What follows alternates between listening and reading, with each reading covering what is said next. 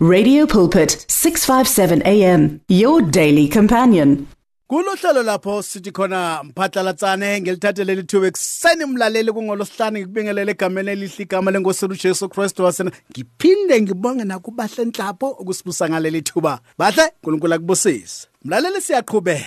Iziphiwo zikamoya ezahlukeneyo nokuphathwa kwazo. Ngithe kuyo mlaleli iphiwo zikaNkulunkulu lesi asiphezolo ngakho ke kumele sifunde nakuye futhi ukuthi ziphathwa kanjani zisetshenziswa kanjani.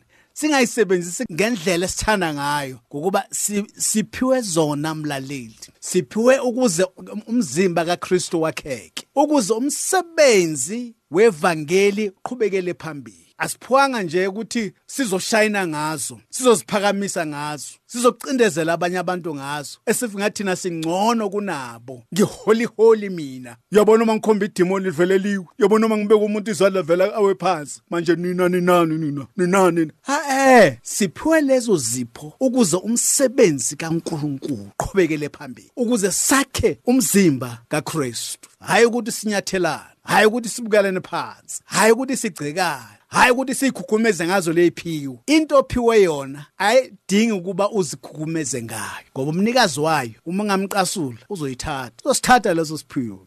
Asichubekene ke mlaleli. Sigcine lapho abanye baphiwe amandla mlaleli. Wokukhipha amadimoni amandla wokukhuza imimoya emibi amandla wokuphulukisa izifo ngezifo. Ngathi kuwe ake siyekene uku-interviewa amadimoni wena unaleso siphiwo samandla. Wena idimoni elingemi phambi kwakho. Uze ucabanise imindeni ucabanise omakhelwane ucabanise mlaleli nabantu bestrat abantu abasakhulumisana abantu abasazwani imindeni ihlukene imindeni idivosile. Ngenxa yabantu abanesiphiwo samandla abakwazi ukuxosha idemoni bese balalela balikholwa futhi. Siyaqhubeka. Ngithe kuwe omunye ukwenza imisebenzi yamandla omunye ukuprofetha mlaleli. We saphela. Thina siyavilapha mlaleli ukufunda izwi lenkosi. Uma nginesiphiwo sokuprofetha kukhona abaprofethi abafana nabo Elisha kukhona abaprofethi abafana nabo Eliya kukhona nabaprofeti abafana nabo Hagayi kukhona nabaprofeti abafana nabo Hezekiel abo Jeremiah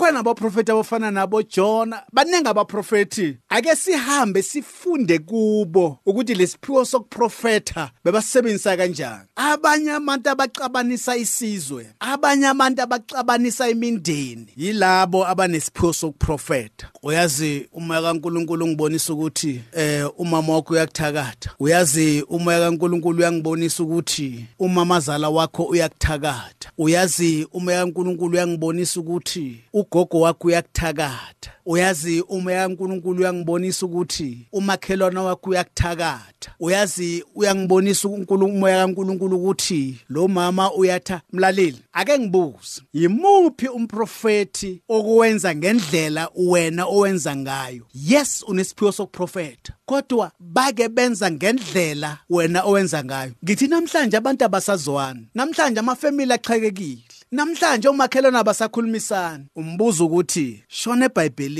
ukubheka ukuthi bonke laba prophet babe profeta ngendlela wena oprofeta ngayo namhlanje. Izwi lenkosi lithi omunye ukwenza imisebenzi yamandla omunye ukuprofeta mlaleli. Uthona ngathi sigijimele emabandleni lapho kuthiwa khona kunomprofeti ngoba ukuthi sifuna ukwazi ukuthi ubani umuntu ongithakathayo. Ngifuna ukwazi ukuthi kungani kwenze sekelo mlaleli ngithi kuwe ake sibiyele ezwini likaNkuluNkulu ngoba isiphiwo osinikwa uNkulunkulu esikhona ezwini lakhe. Ake ngifunde kulabo uNkulunkulu ababela ngoba isizulu sithi indlela ibuzwa kwabaphambili ke ngifunde kulabo mlaleli babanele isiphiwo lesi. Futhi esabo futhi ufica ukuthi sindlula even nalesi samekudeni sibuza ukuthi bake basebenza ngendlela thina esisebenzisa ngaso this nowadays. Sesishaya izandla abanye bethu. Ya nami ngemsola. Ya nami ngembona and ukhulumile umprofeti khulumile umprofeti mlaleli ayihambi kanjalo. Ayidumi kanjalo imizwa hamba ake siyekeni ukuxova isizwe sikaNkuluNkulu. Ake siyekeni ukuxova umhlambi kaNkuluNkulu. iBhayibheli lisinike lezi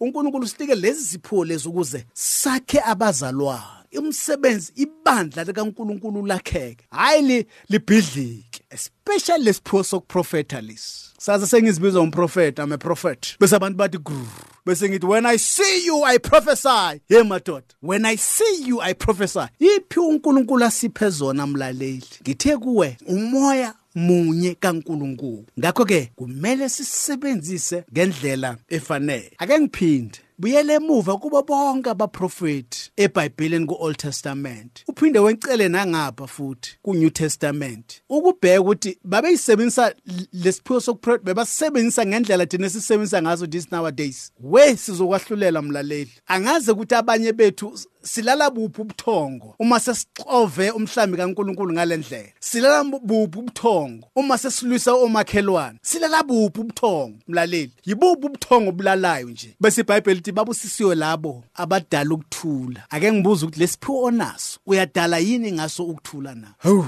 umuyadika kanti dladla awazi ubuthakathi ubuthakathi bukhona. Bukhona naku Old Testament futhi liyakhuluma ngabo. Kodwa ngisengakeza umprofeti ekhomba abanye phakathi. Kulomhlambi lo anawo athi wena uyathakatha wena not usekuthi babengekho bekunendlela adila ngayo ngayo ubemkhulekela secret kuphume yonke lento futhi abayibe bangasondeli nokusondela. Mlaleli kepha thina umuntu akezanga even nala sikhona uyihleleli la ihlelele khona iphuzile itiye bese unomsukela ula. Athi uyabona lo makhelana wakho loya ogcoke so so so so so ngelila kwakuboleka nemali futhi so so so so. Hawu bakithi. Sase sawuxova umhlambi kaNkuluNkulu. Inhliziyo zopha igazi ngenxa yabaprofeti abangasebenzisi isiphuwo sabo ukuya ngezwi likaNkulunkulu abangafuni ukufuthi ukufunda kubaprofeti baku Old Testament even naku New Testament. Bese izwe inkosi ithi ke omunye ukwahlukanisa umo omoya omunye ukukhuluma izilimi ngezilimi omunye ukuhumusha izilimi. Ake ngibuze emakhayeni ethu emabandleni ethu ziyahunyushwa yini izilimi noma siyakhuluma kuphela ngezilimi abaye bethu umuntu azazame